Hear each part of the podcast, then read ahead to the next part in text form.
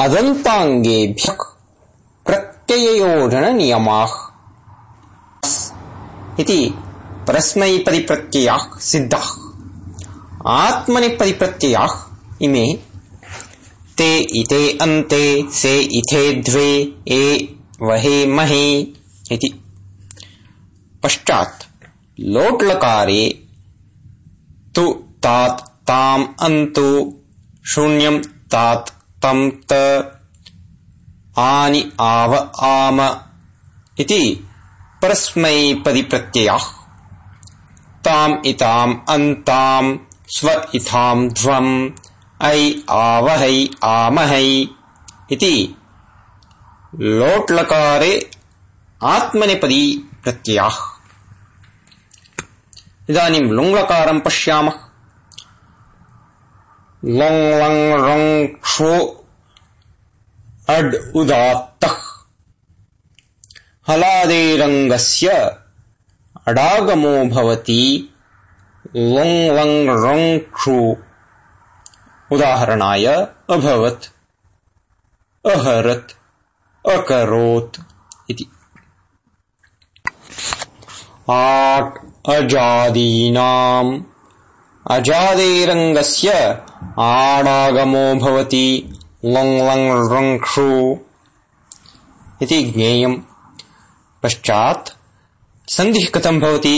अत्र आद्गुणः इति गुणो न भवति प्रत्युत आटश्च इति सूत्रतो आट् च तत्परः यो अच्चस्ति तयोः स्थाने वृद्धेः एकादेशो भवति।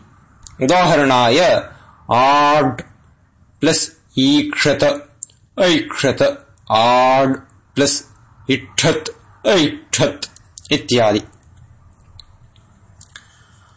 इदानीं लङ्लकारे सिद्धप्रत्ययाः इमे। ताम् अन् तम्, त अम् व, म आत्मनेपदिप्रत्ययाः त इताम् अन्त थास् इथाम् ध्वम् इ वहि महि। विधिलिङ्गकारः। इत् इताम् इयुः।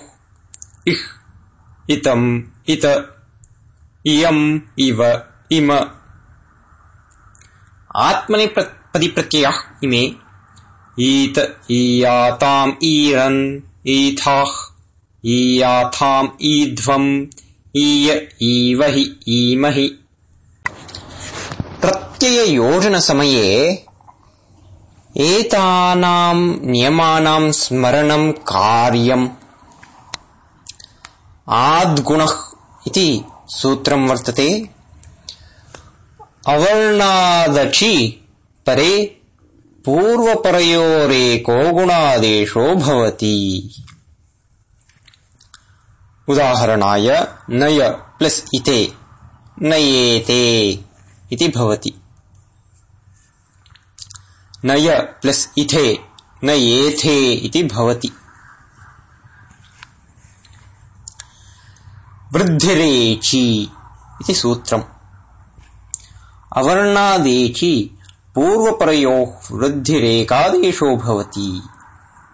उदाहरणाय, नय प्लस् ऐ, नयै इति। अकस्सवर्णे दीर्घः।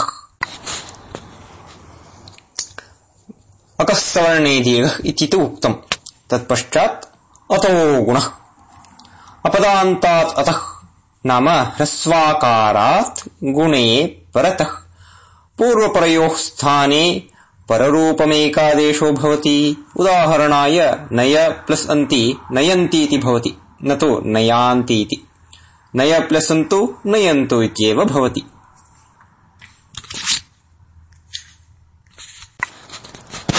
अतो दीर्घो ययि इति सूत्रम्।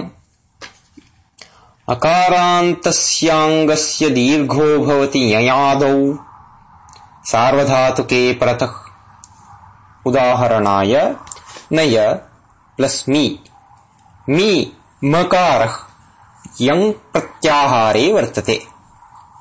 खलु, हयवरट् लण् ङमङणम् एवमेव, नय, प्लस्, वस् इति, नयावः इति भवति।